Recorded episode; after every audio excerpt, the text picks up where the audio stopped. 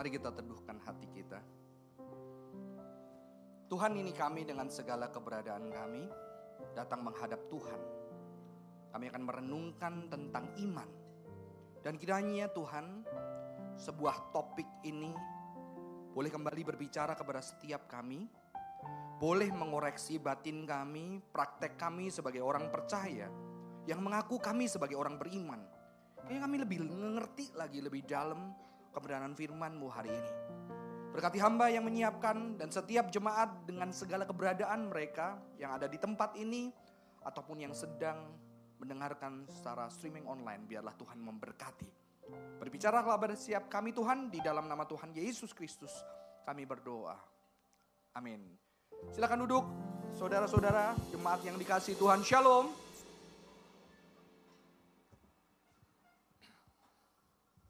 Satu bulan ini saya berkeliling banyak tempat. Saya baru mengalami artinya ini pagi ini saya bangun di kota apa gitu ya. Dan saya perlu waktu untuk connect karena bangun saya di mana ini teman-teman. Dan saya bersyukur melihat Tuhan bekerja dan Tuhan boleh pakai saya jadi berkat buat teman-teman di berbagai kota yang lain. Hari ini kita akan membicarakan sebuah topik lifeless faith, iman yang mati, iman yang tidak ada kehidupan di dalamnya. Kita akan buka dari Yakobus pasal yang kedua ayat 14 sampai yang ke-26 saya akan bacakan di dalam terjemahan baru. Yakobus 2 ayat 14 sampai yang ke-26. Apa gunanya saudara-saudaraku jika seorang mengatakan bahwa ia mempunyai iman padahal ia tidak mempunyai perbuatan? Dapatkah iman itu menyelamatkan dia? Jika seorang saudara atau saudari tidak mempunyai pakaian dan kekurangan makanan sehari-hari, dan seorang dari antara kamu berkata, "Selamat jalan, kenakanlah pakaian hangat dan makanlah sampai kenyang." Tetapi ia tidak memberikan kepadanya apa yang perlu bagi tubuhnya, apa gunanya itu? Demikian juga halnya dengan iman. Jika iman itu tidak disertai perbuatan, Iman itu pada hakikatnya mati. Tetapi mungkin ada orang berkata, engkau mempunyai iman dan aku mempunyai perbuatan. Aku akan menjawab, tunjukkanlah kepadaku imanmu itu tanpa perbuatan. Dan aku akan menunjukkan kepadamu imanku dari perbuatan-perbuatanku. Engkau percaya bahwa hanya ada satu Allah saja itu baik. Setan, setan pun percaya akan hal itu dan gemetar. Hai manusia yang bebal, Maukah engkau bukti bahwa iman tanpa perbuatan adalah iman yang kosong? Bukankah Abraham bapak kita dibenarkan karena perbuatan-perbuatannya ketika ia mempersembahkan Ishak anaknya di atas mesbah? Engkau lihat bahwa iman bekerja sama dengan perbuatan-perbuatannya dan karena perbuatan-perbuatan itu iman menjadi sempurna. Dengan demikian genaplah nas yang mengatakan, Lalu percayalah Abraham kepada Allah, maka Allah memperhitungkan hal itu kepadanya sebagai kebenaran. Dan ia disebut sahabat Allah. Jadi kamu lihat bahwa manusia dibenarkan karena perbuatan-perbuatannya dan bukan hanya karena iman. Bukankah demikian juga Rahab pelacur itu dibenarkan karena perbuatan-perbuatannya ketika ia menyembunyikan orang-orang suruhan itu di dalam rumahnya lalu menolong mereka lolos melalui jalan yang lain. Sebab sebagaimana tubuh tanpa roh mati, demikian juga iman tanpa perbuatan. Saudara-saudara ini adalah bagian dari Alkitab yang sangat tidak disukai seorang tokoh reformator yang bernama Martin Luther. Ya. Jadi memang kita mengerti di dalam tradisi reform percaya bahwa ada satu kata sola scriptura, ya, back to the Bible, kembali kepada Alkitab, hanya Alkitab kuncinya. Tapi kalau saudara lihat, ternyata tokoh reformator ketika merenungkan tentang kanon Alkitab itu, dia berani mengkritisi bagian surat Yakobus.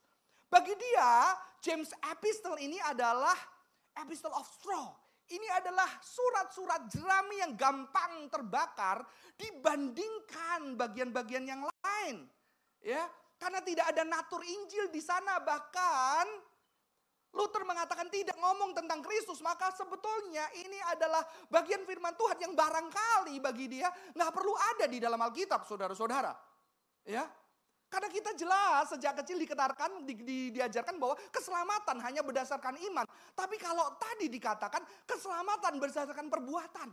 Sepertinya ini sesuatu yang kontradiksi dengan apa yang dipercayai orang Kristen. Makanya banyak orang Kristen saya sangat sedih lagi ketika beberapa tahun lalu saya dengar cerita ini. Ya, saya dengar cerita ini. Orang Kristen bilang, "Oh, orang-orang di luar Kristen perbuatannya baik banget, lebih daripada orang Kristen." Ya, mereka baik banget menolong orang tanpa pamrih, pamrih bahkan tanpa menginjili agamanya. Mereka tulus menolong, mereka nggak peduli nanti orang percaya atau tidak kepada agamanya. Ya, Lalu orang Kristen menjawab apa? Iya karena mereka melakukan perbuatan baik supaya diselamatkan. Kan kita sudah diselamatkan jadi kita tidak perlu bersaing berbuat baik. Saya ngerasa jawaban ini konyol aja. Konyol. Itu untuk pembelaan bahwa it's okay kita nggak baik lebih daripada mereka. Mereka memang dan kita berasumsi oh karena mereka melakukan itu demi keselamatan. Siapa bilang? Saya sudah ceritakan guru kungfu saya. Saya bilang sama dia, bu mau percaya Yesus, percaya Yesus masuk surga. Enggak percaya Yesus dihukum.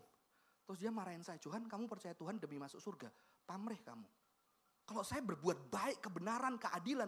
Karena Tuhan perintahkan surga dan neraka saya serahkan kepada Tuhan. Dia melakukan itu karena perintah Tuhan. Nggak perlu dia neraka atau surga.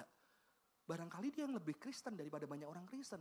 Tapi orang Kristen mengatakan apa? Oh nggak apa-apa. Kan kita diselamatkan karena bukan perbuatan baik. Karena iman kita, karena percaya kita. Jadi nggak usah bersaing. Nggak apa-apa mereka lebih baik dari kita.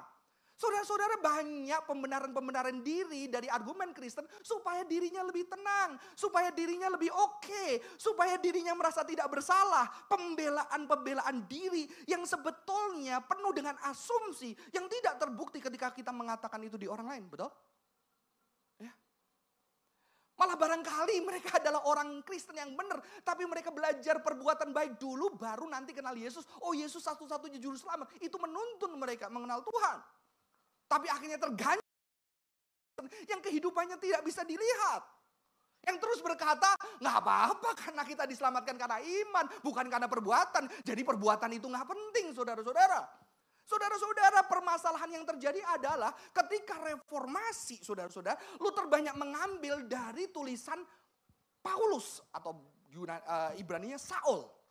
Ya, karena Saul mengatakan dengan Paulus mengatakan dengan ini, sebab kami yakin bahwa manusia dibenarkan karena iman, bukan karena perbuatan-perbuatan menurut hukum Taurat.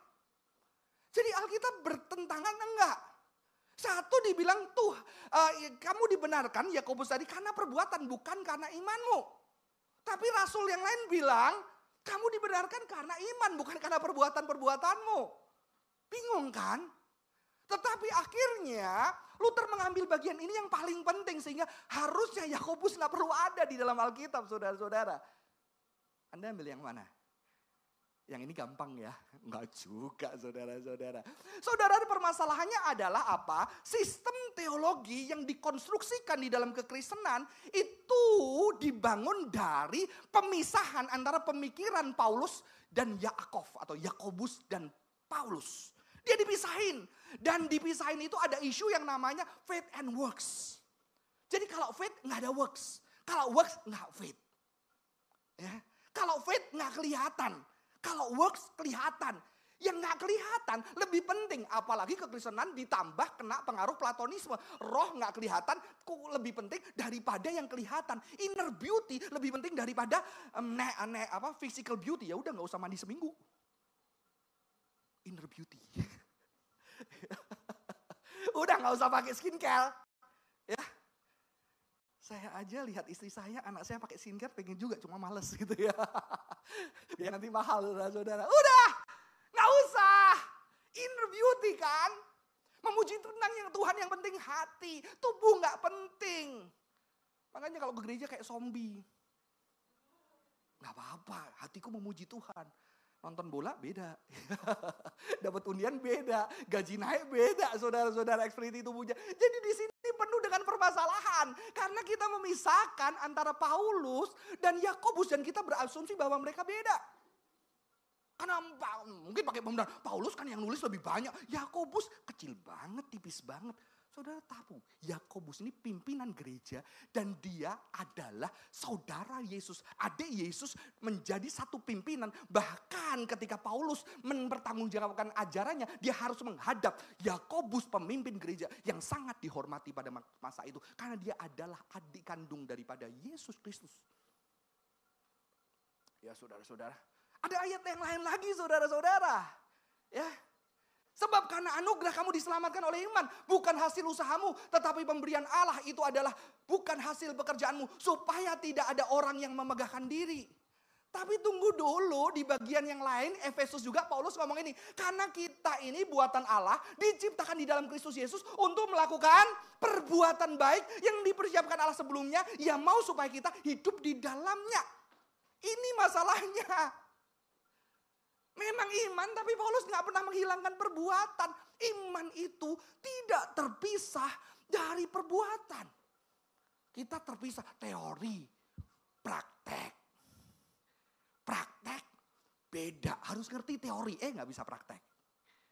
Ya, karena itu western education. Teori dulu baru praktek. Ternyata banyak kita belajar teori, suruh kerja, bego kita. Sekarang pendidikan barat sudah mengerti harus magang dulu. Bikin bisnis dulu, kerja dulu, baru boleh lulus. Lebih alkitabiah, lebih timur. Kalau timur, saudara-saudara, kamu ngerti? Ngerti? Kok nggak bisa? Kan ngerti, belum tentu bisa. Nggak ngerti kalau bagi barat, ngerti. Kalau bagi orang timur nggak ngerti. Kamu denger, denger kok nggak dilakukan?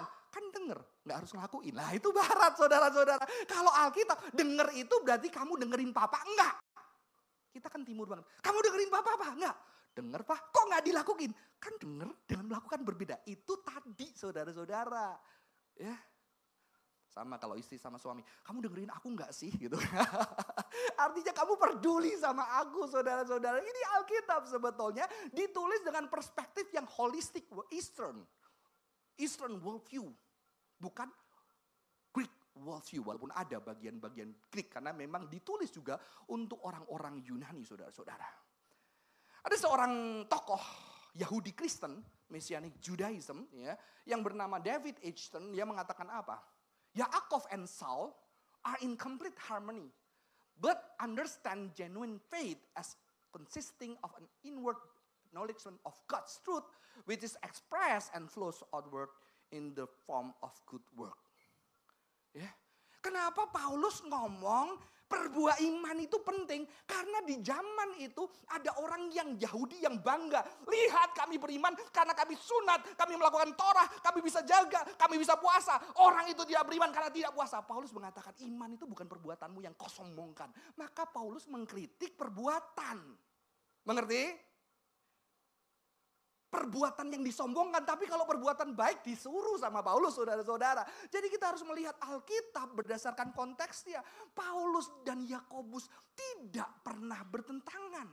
Mereka harmonis seorang dengan yang lain, saudara-saudara ya. Maka itu saudara-saudara, faith and works itu iman yang benar tidak pernah dipisahkan dari perbuatan itu im perbuatan yang benar saudara-saudara. Karena iman ada perbuatan di dalamnya. Jadi ketika kita membaca bagian tadi kita harus hati-hati. Karena iman yang dimaksud Yakobus adalah iman apa saudara-saudara? Iman yang tidak sepenuhnya.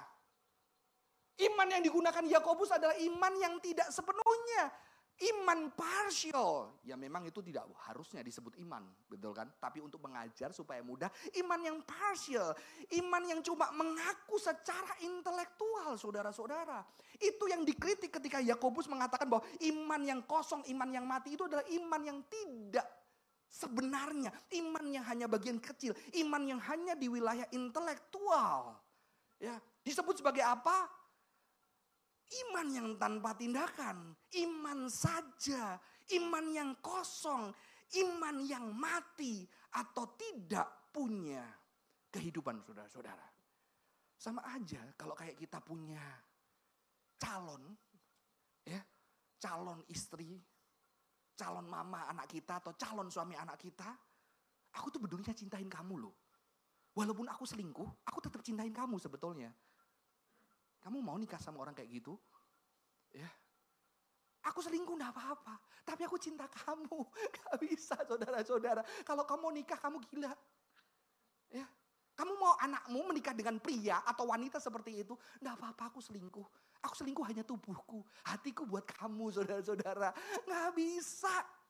Itu adalah keseluruhan.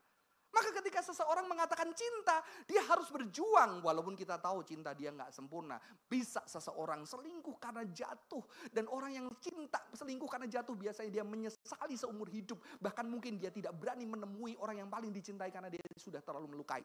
Kalau yang tadi itu nggak cinta. Ah nggak apa-apa kan jatuh sekecil aja. Kan manusia bisa berubah. Kepala lu. Ya kan? Saudara-saudara. Kalau dia jatuh nyesel sampai dia datang. Aku nggak rasa pantas buat kamu dan dia pergi, aku memang layaknya sudah nggak menyakitin kamu lagi pergi, baru nggak kamu balik lagi. Kalau dia tetap merasa dirinya benar, dia ngerasa itu hanya kejatuhan, harus diterima wajar kan kejatuhan. Tidak ada manusia yang tidak berdosa. Lu tidak berhak ngomong itu. Yang berhak ngomong itu adalah orang yang disakiti dan sudah kena anugerah Tuhan. Wajar kamu berdosa. Ngerti? Karena tidak ada ayatnya. Kalau kamu berdosa, bilang aja sama orang yang padanya berdosa. Wajar kan aku berdosa, maka ampuni. Kamu nggak boleh nggak ampuni aku. Gila loh. Ya, nggak boleh kayak gitu saudara-saudara. Ya, jadi iman yang disebutkan di sini adalah iman yang Mati, iman yang tidak sempurna, hanya intelektual. Bukan iman yang otentik yang seperti diyakini Paulus. Karena Paulus meyakini iman yang otentik berserta dengan perbuatannya. Maka Yakobus menekankan perbuatan yang juga tidak mungkin terlepas dari iman kepada Tuhan. Amin. Maka itu adalah sesuatu yang integral, tidak terpisah. Sekalipun saudara-saudara di dalam perjalanan kita bisa lemah, kita bisa penuh dengan kekurangan, kita penuh dengan ketidaksempurnaan, tapi kita berjuang untuk mencintai. Ya. Ketika pasangan-pasangan dituntut sama pasangannya, kayaknya kamu kurang mencintai aku. Saya tahu biasanya kita membela diri, saya juga mencinta apa aku sama kamu. Tapi sebagai orang yang kenal kebenaran, kita jujur, iya sih memang ya. Mungkin kalau di depan istri atau di depan suami, enggak, gue udah cinta kamu. Padahal di dalam hati, kurang apa? Padahal di dalam hati, iya sih kayaknya gue tetap egois ya. Iya kan? Kayaknya gue harus belajar lagi untuk mencintai dia lagi. Ya ini istriku yang ada di perasaanku ketika kamu tanya ya. Benar kan? Ya, walaupun kita gengsi pembelaan gitu, kita punya banyak intelektual untuk membela diri, tapi sebetulnya di hati kecil kalau kamu sudah ada cinta, kayaknya aku harusnya nggak boleh kayak gini ya. Ya. Tapi ya manusia berdosa ya, nggak pembelaan juga ya. Semoga bisa lebih baik. Amin. Ya, saudara-saudara, itu amin buat diri saya sendiri. Saudara-saudara itulah iman yang dikatakan oleh Yakobus. Jadi nggak usah takut ketika Yakobus mengatakan iman karena perbuatan aku akan membuktikan. Tidak orang diselamatkan bukan karena perbuatan, eh, bukan karena iman, tapi karena perbuatan bukan karena iman.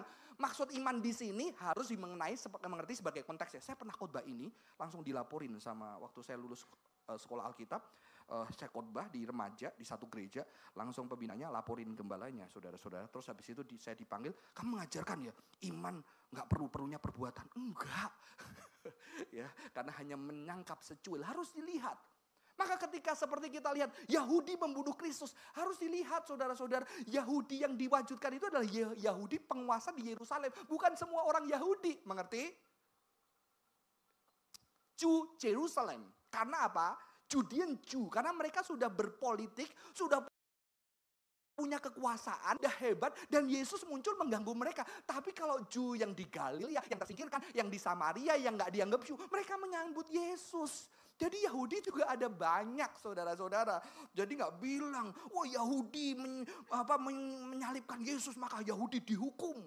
Itu yang terjadi di Barat sehingga terjadi uh, antisemitisme kan Akhirnya antisemitisme membentuk menjadi prosemitisme sekarang. Israel adalah bangsa pilihan Tuhan. Karena Israel dipilih Tuhan. Israel sekarang ada orang percaya. Ada Israel Yahudi ortodok. Ada Yahudi liberal. Ada Yahudi ultra ortodok. Bahkan di Palestina banyak orang Kristen saudara-saudara. Ya, ya Itu kenyataan saudara. Kita tidak bisa berpihak dengan wah mereka Israel. Makanya nggak pernah kalah. Karena bangsa pilihan Tuhan. Dia di Alkitab kalah terus tuh. ya kan? Saudara-saudara kadang-kadang kita harus berhati-hati kalau lihat konteksnya apa yang terjadi di sana saudara. Saya tidak pro mana aja saudara. Ada Alkitab mengajarkan pro yang mengalami ketidakadilan. Tetapi di dalam konteks seperti ini sulit banget. Karena media semua punya kepentingan sehingga kita benar-benar tidak tahu. Saudara-saudara sulit sekali. Tapi kita harus berpihak kepada yang sangat mengalami ketidakadilan. Tapi sungguh sulit di tengah dunia media seperti ini. ya. Saudara-saudara, saya tidak lama hari ini. Jadi apa itu lifeless faith? Lifeless faith, saudara. Ini ini Yakobus keras banget loh. Ya. Engkau percaya bahwa aja, hanya ada satu Tuhan Allah saja, itu baik. Setan-setan pun percaya akan hal itu dan dia gemetar. Artinya apa? Saudara, engkau percaya hanya satu Tuhan itu penting bagi orang Yahudi. Karena Yakobus orang Yahudi. Ya. Kalau saudara tahu gereja itu pada masa itu ada dua. Gereja Yakobus dan gereja Paulus. Karena ternyata akhirnya Paulus dipakai untuk melayani orang-orang di luar Yahudi. Sehingga ketika itu akhirnya ada banyak orang Gentiles, bukan Yahudi yang tidak bersunat, akhirnya diterima di gereja dan dikatakan Yakobus mereka nggak perlu disunat. Mereka nggak perlu ikut makanan kosher. Jadi gereja pada masa itu saudara-saudara ada dua gereja. Yang namanya gereja Gentiles dan gereja Yahudi. Gereja Yahudi di bawah kepemimpinannya, kepemimpinannya Yakobus, Petrus yang mereka tetap melakukan Taurat sebagai lifestyle. Itu yang diteruskan sekarang dengan Messianic Judaism. Jadi mereka tetap melakukan Taurat, mereka makan kosher, tapi mereka mengatakan keselamatan bukan karena gua makan kosher, tapi ini hanya cultural. Culture aku sebagai orang Yahudi, aku boleh menghidupinya. Itu Messianic Judaism. Dan ini sebetulnya dari tradisinya Yakobus. Tetapi saudara-saudara, akhirnya karena pada waktu itu orang Kristen nggak mau perang kan? Karena ada ayatnya, kalau ada perang kamu lari ke sana, lari ke sana, pergilah, tinggalkanlah kota. Ternyata orang-orang Yahudi yang perang sama Romawi kesel sama orang Kristen. Akhirnya orang Kristen diekskomunikasi.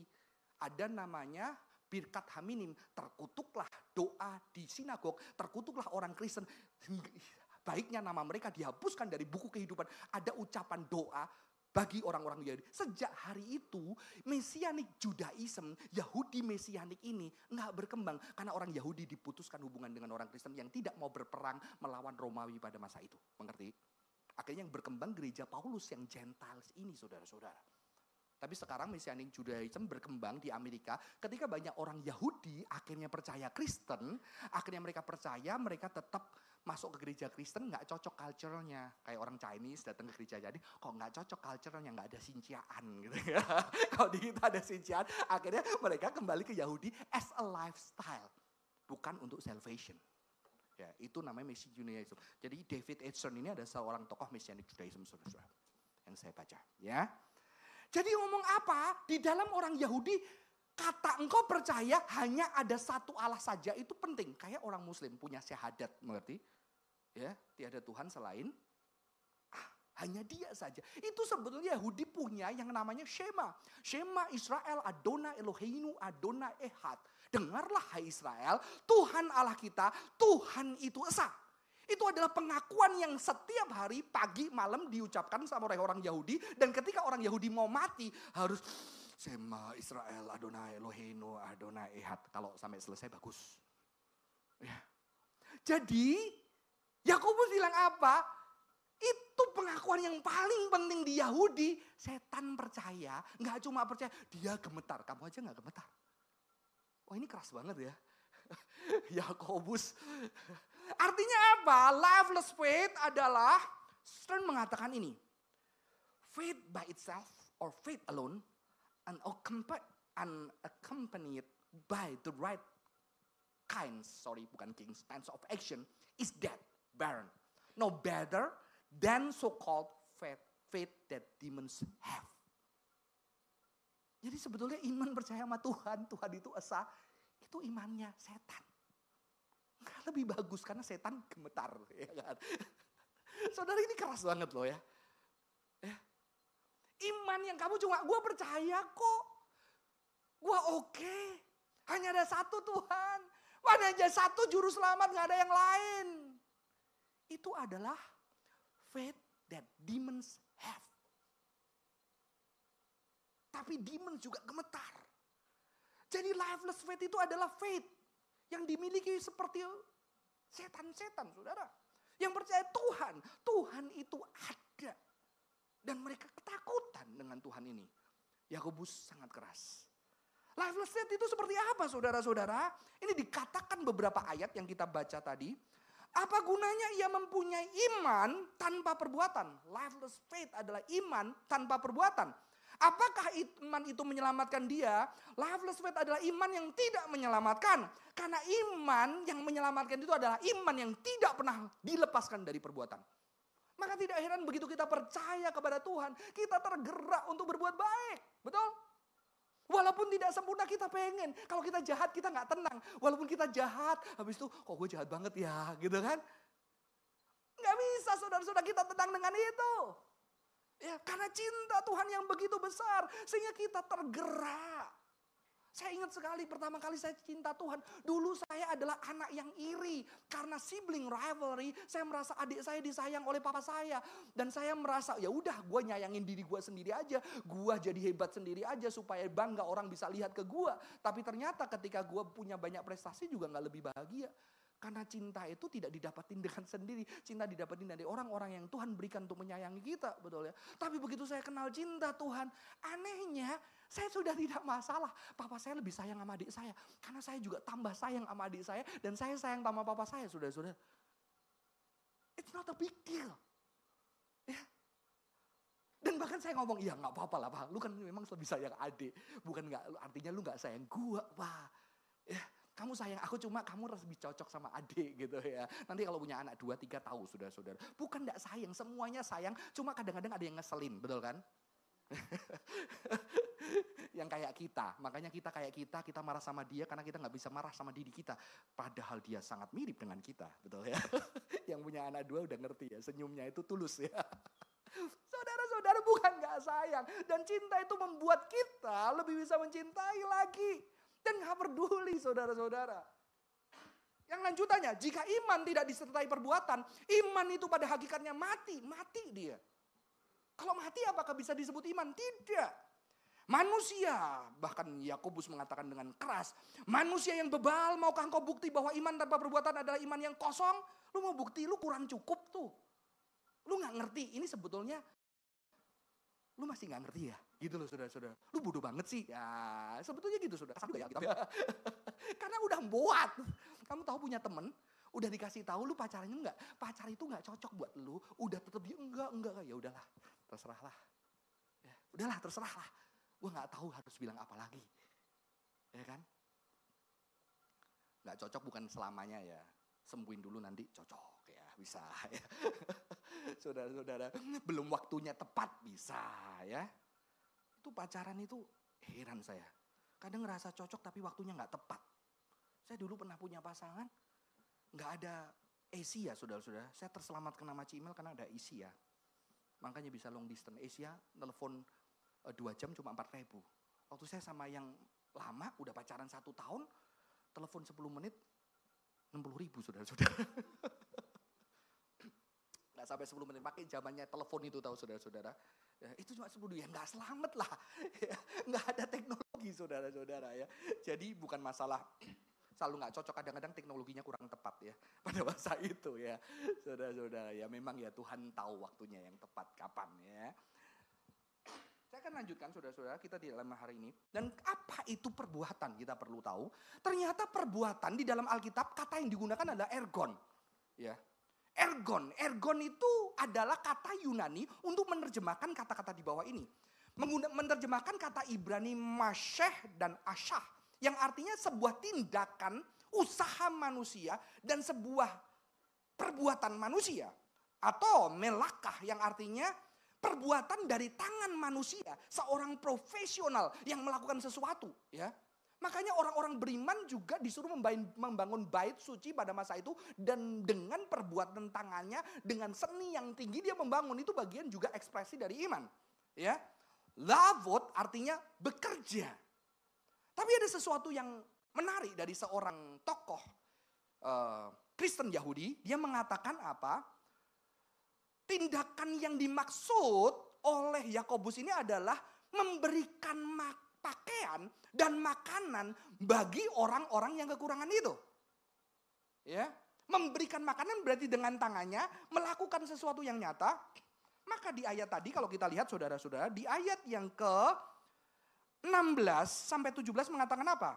Dan seorang dari antara kamu berkata selamat jalan, kenakanlah pakaian hangat dan makan sampai kenyang. Tetapi ia tidak memberikan kepadanya apa yang perlu bagi kubunya, apa gunanya itu? Ini bukan ada iman. Iman itu artinya ketika kamu tahu temen, eh kamu putus, putus cinta ya, kamu butuh temen ya, ya udahlah, baik gitu. Itu nggak ada gunanya. Tapi butuh temen, gua temenin sih walaupun aku, aku harusnya jaga anak, nggak apa-apa lah gua temenin lo. Itu saudara-saudara. Ada perbuatan yang nyata. Ketika temenmu bangkrut, dia cerita sama kamu, waduh aku nggak bisa membantu, uangku bener-bener habis. Tapi aku paling nggak bisa ngajak kamu makan hari ini. Walau terbatas dia makan hari ini bersama dengan teman, itulah iman. Iman yang tidak terpisahkan. Dan di sini ada sesuatu yang unik. Saudara-saudara bagi orang Yahudi memberi pakaian buat orang yang nggak punya pakaian adalah kesalehan. Kenapa? Karena itu ditandai ketika Tuhan melihat Adam dan Hawa yang telanjang, yang berdosa, yang terancam dengan kehidupan yang begitu mengerikan pada masa itu ketika dosa masuk. Tuhan mengotori tangannya, menyobek binatang kesayangan dia yang ciptaan juga indah untuk memberikan pakaian kepada manusia yang sedang lemah dan berdosa. Jadi orang Yahudi memberikan pakaian itu sebagai sebuah kesalehan. Ya, maka ini berbicara tentang apa? Memberikan makanan. Ini berbicara hospitality. Saya sudah menyampaikan kan, kesalehan itu adalah hospitality. Orang saleh pada zaman Alkitab bukan karena baca Alkitab tiap hari. Ya, Nanti saya jangan disalahpahami ya. Ada yang salah paham bilang Pak Johan mengajarkan nggak boleh apa nggak usah baca Alkitab katanya. Nggak saya ngomong gini. Yesus itu baca Alkitab tiap hari nggak? Belum dicetak. Ya kan? Belum dicetak-cetak abad 15 saudara-saudara. Jadi orang mulai baca Alkitab setelah percetakan abad 15 di zaman reformasi. Gara-gara kertas dari China dan ada mesin cetak dari Gutenberg. Jadi zamannya Martin Luther. Makanya kita karena mengawarisi tradisi reformasi kita baca Alkitab tiap hari. Kalau Yesus saudara-saudara mereka itu dengar oral Torah. Jadi mereka mendengungkan, menyuarakan, menyanyikan, menubuhkan setiap hari. Jadi jangan bangga kalau baca Alkitab tiap hari. Oh saya sudah 50 kali. So what? Saya pernah mendengar kata pendeta Yakub Susabda, jangan bangga baca Alkitab tiap hari. Pernah nggak gumpulin satu ayat sebulan dan coba praktekkan di hidupmu? Bukan berarti hari lu ya nggak usah baca Alkitab tiap hari. Bukan itu saudara-saudara. Menghidupkan. Dan Paulus lebih dahsyat lagi lah Alkitab yang dibaca orang setiap hari. Kok adalah surat yang terbuka. Sehingga orang bisa ngerasain, oh ada Tuhan, ada cinta melalui kehidupanmu saudara-saudara. Saya akan lanjutkan. Lively faith. Jadi bukan lively faith tetapi adalah lovely faith saudara-saudara. Lovely faith adalah apa? Abraham dibenarkan karena perbuatannya. Ya. Dan saudara tahu ini tidak bertentangan di dalam Ibrani 11 ayat 8 dan 17 juga mengatakan karena iman Abraham taat, Abraham mempersembahkan Ishak. Jadi ternyata Yakobus dan Ibrani itu sama yang satu Abraham dibenarkan karena perbuatannya, yang Paulus mengatakan Abraham dibenarkan karena iman, tapi iman itu ada ketaatan, betul? Jadi itu bukan sesuatu yang terpisah. Iman dulu baru ketaatan, ketaatan dulu atau adalah iman. Sudahlah saudara, itu sama aja telur dulu atau ayam, ayam atau telur. Udah ada telur ayam, selesai. Betul? Roh kita atau tubuh kita? Tubuh dan kita udah nyatu begitu kita tanya, ada roh dulu atau tubuh, betul kan? Karena Tuhan ciptanya langsung. Ya, Kan bisa toh langsung dua. Anak kembar mana dulu? Dua-duanya. Memang keluarnya beda, tapi jadinya kita nggak tahu kan. Kalau tahu-tahu pluk dua. Sudah-sudah. Ya dari papa mamanya iya sih. Sudah-sudah. Ya. Ya lalu Rahab pelacur itu dibenarkan karena perbuatannya. Tapi di Ibrani dikatakan karena iman, Rahab pelacur itu menyambut pengintai-pengintai dengan damai. Dulu saya bodoh banget. Saya tanya sama Profesor Richard Pratt. Dia profesor uh, yang kalau saudara tahu pelayanan third millennial, millennium ya, itu seorang profesor dia S2 filosofi dari Harvard. Dia mengajar dulu di RTS RTS yang ngajar di STTN dan ketika saya datang, ini kok Tuhan mengeraskan hati Firaun. Firaun mengeraskan hatinya. Jadi Firaun dikeraskan hati Tuhan baru hatinya keras atau Firaun keras dulu baru Tuhan mengeraskan hatinya. Saya tanya gitu. Dia bilang barengan, dia bilang itu selesai. ada kan ayat Tuhan mengeraskan hati Firaun. Kalau berarti Firaun nggak salah dikerasin Tuhan, tapi ada ayat tak Firaun mengeraskan hati. Itu dua-dua bersamaan ada di sana, saudara-saudara. Tapi mungkin karena kita itu dididik dengan pendidikan barat. Yang selalu mengerti awal muasalnya itu di mana. Ya, ada ini, telur dari mana ayam, ayam dari mana, dari mana, dari mana. Sampai kita masuk ke dalam first mover first designer, first cause. Akhirnya kita selalu berpikirnya runtutan. Ketika sudah berpikir dengan cara Yunani, kita lihat Alkitab, oh ini dosa karena siapa? Karena pohon. Pohon dari mana? Karena Tuhan. Tuhan kenapa nyiptain pohon? Udah tahu nggak bakal dimakan? Udah tahu. Lah kalau tahu makan berdosa kenapa diciptakan? Jadi apakah Tuhan jahat? Lah itu saudara-saudara. Padahal Alkitab itu ditulis menunjukkan sastra yang indah di perjanjian lama walaupun manusia jahat dan begitu melawan Tuhan cinta Tuhan gak pernah hilang. Salah membaca. Ini gara-gara siapa? Ya, anak gue kok gak sempurna lahirnya, penuh dengan luka. Ini gara-gara genetikmu ya, genetikmu. Mau gara-gara genetiknya siapa? Sudah anak kita punya kelemahan yang harus kita cintai dan berjalan bersama-bersama dengan iman untuk Tuhan menyatakan cintanya. Amin. Makanya Tuhan ngomong, ini salah siapa? Orang tuanya atau orang buta ini? Tuhan cuma ngomong, kemuliaan Tuhan dinyatakan bagi orang ini. Amin. Kadang orang Kristen tanya-tanya yang gak jelas. Maka saya suka seorang penulis. Manusia diciptakan bukan untuk memahami hidup, tapi untuk menghidupi hidup. Wah, karena banyak kan yang kita nggak paham, tapi kita tetap hidup. Sudah tak ceritain kan, Iyo tanya, Pah, kenapa papaku papa? Saya jawabnya apa? Karena papamu papa, maka ada pertanyaan kenapa papaku papa. Iya kan? Kalau papamu bukan papa, kamu tanya sama orang itu, kenapa papaku papa? Iya udah selesai. Nggak ada jawaban artinya saudara-saudara. Itu sebuah kenyataan kamu terlempar, kamu jadi anakku. Terimalah bapakmu dengan segala kelemahannya. Dan gue juga menerima lu dengan segala kelemahan dan keterbatasanmu. Ya. That is reality. Kenapa putus cinta? Kenapa gua ditinggalkan? Kenapa gua putus? Kenapa dia nggak ngomong dari awal kalau bakal tinggalin aku? Siapa yang ngerti? Udah dia udah pergi selesai. Sekarang gimana kita hidup? Amin. Jangan ditinggalin ya setelah ini ya. Saudara-saudara, ternyata ini adalah sesuai dengan yang rabbinic uh, literature mengatakan he who saves one life it It is as if he saved a world. Ini adalah a world. Ini adalah sebuah kutipan dari sebuah film yang dibikin Mel Gibson judulnya Skinner List. Film yang mungkin Anda nggak suka lihat karena dari 45 menit atau satu jam hitam putih. Tapi mendapatkan penghargaan Oscar. Dari kisah nyata seorang yang bernama Oscar Skindler, makanya dapat Oscar ya, karena namanya Oscar. Oscar Skindler, saudara-saudara. Seorang Jerman yang sebetulnya punya keuntungan memanfaatkan orang Yahudi untuk bekerja di pabriknya, dia jadi kaya. Tapi dia melihat Yahudi disiksa, dia nggak bisa. Dia gunakan semua kekayaan untuk nyemetin ribuan orang Yahudi. Dan di situ sampai orang Yahudi yang tidak percaya Tuhan bisa melihat dan bisa mengatakan Barang siapa menyelamatkan satu nyawa, dia sedang menyelamatkan seluruh dunia, saudara-saudara. Dari seorang yang bernama Oscar Schindler. Seorang Kristen, lihat ada salib. Sehingga sampai hari ini, setiap keturunan-keturunan Yahudi Schindler, sampai mereka disebut sebagai Yahudi Schindler, datang ke seluruh penjuru dunia untuk kasih batu di makam. Karena orang Yahudi kan selalu bikinlah batu, dirikanlah batu sebagai peringatan akan keselamatan yang dilakukan Tuhan buat kamu kan. Mereka memberikan batu-batu itu sebagai penghormatan. Keturunan mereka kedua, ketiga selamat gara-gara siapa? Gara-gara Oscar Schindler, saudara-saudara.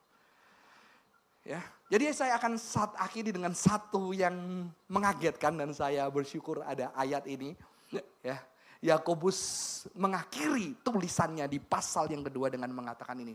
Sebab sebagaimana tubuh tanpa roh mati, demikian juga iman tanpa perbuatan mati. Ini penting banget dan saya baru sadar ketika baca ayat ini. Karena kalau kita melihat Alkitab dituliskan seperti ini, Alkitab dituliskan secara paralel. Jadi saudara-saudara, tubuh dan roh nggak bisa dipisahin, betul? Ketika kita nanti mati, ada seorang teolog yang memilih mengatakan bukan roh yang tinggal. Ya karena dia mencoba men, me, menyelamatkan kekristenan dari dualisme. Ya ada seorang teolog namanya Stanley Grange dia bilang, e, ketika kita mati ada diri kita yang tidak sempurna. Dia nggak mau pakai kata roh saudara-saudara ya. Tapi sebetulnya karena roh sudah terlalu terdistorsi dianggap lebih spiritual daripada tubuh. Sehingga kita berpikir kalau kita mati, roh kita bersama dengan tubuh, Tuhan tubuh kita mati dimakan cacing dan kita bersama dengan Tuhan selamanya roh kita. Padahal kekristenan mengenal kebangkitan tubuh. Betul? Tubuh kita akan dibangkitkan karena kita yang sejati adalah kita yang punya roh dan tubuh. Keduanya tidak pernah satu. Maka seorang teolog yang Athanasius mengatakan apa? Manusia ketika dia mati ada bagian dirinya yang tidak sempurna, dia sedang mengalami abnormality. Sebuah ketidaknormalan manusia yang perlu nanti ketika Tuhan datang kedua kali dibangkitkan dan disempurnakan secara utuh. Itulah penebusan yang sempurna di dalam Kristus. Kristus sudah sempurna tapi ada pemulihan yang dahsyat.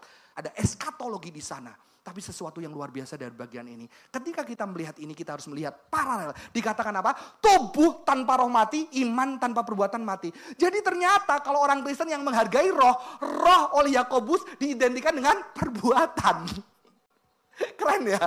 Tubuh iman. Roh perbuatan saudara-saudara. Ini paralel harus dilihatnya. Ya. Jadi perbuatan itu bersifat rohani bersifat bagian yang sangat penting di dalam kekristenan. Kalau Anda dualistis, kalau Anda percaya roh lebih baik dari tubuh, ya Kobus mengatakan roh yang paling sempurna dan itu perbuatan. Inti dari jiwamu itu perbuatan baik. Perbuatan kesalehan yang sesuai dengan firman Tuhan. Tubuh itu juga iman saudara-saudara. Ya. Tapi seorang uh, tokoh, kalau saudara tahu, Paulus itu punya guru namanya Gamaliel. Gamaliel itu punya murid namanya Simon. Simon itu ngomong kayak gini. The most important matter is not study of the Torah, but its practice. Bahkan orang Yahudi, guru daripada Paulus, maka jelas Paulus mengerti ini. Bahwa yang penting bukan kamu mengerti doktrin, mengerti pengetahuan akan Alkitab. Ya. Tetapi kamu mempraktekkan menghidupi karena itu adalah tanda iman sejati yang kita miliki, saudara-saudara. Semoga kita bisa terberkati dengan bagian ini. Dan kita bisa mulai memikirkan iman kita adalah iman yang tidak pernah terlepas dari perbuatan-perbuatan baik. Iman kita integral dengan perbuatan-perbuatan baik.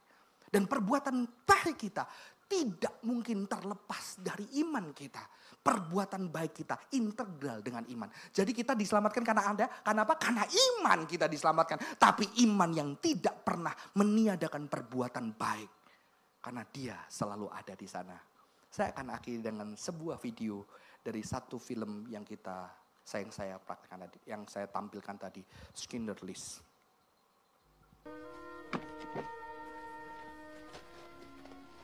We have written a letter trying to explain things in case you were captured. Every worker has signed it.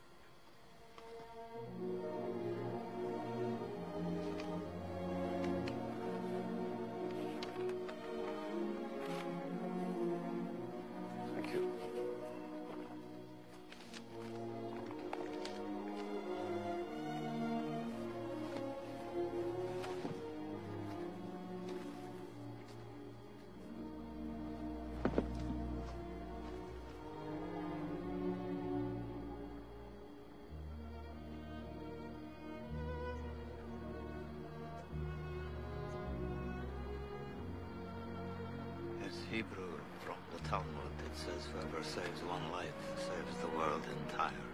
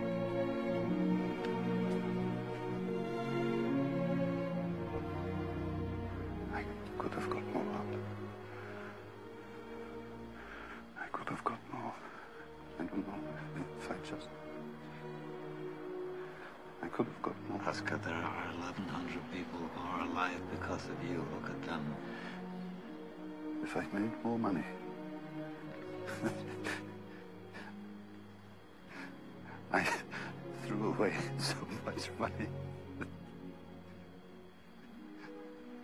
You have no idea. If I just. There will be generations because of what you did. I didn't do enough. You did so much.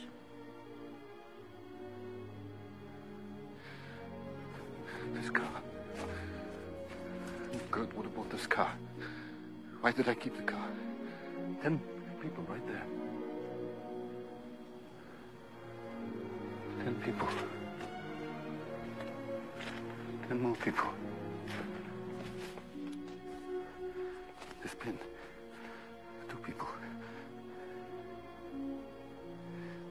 This is gold. Two more people.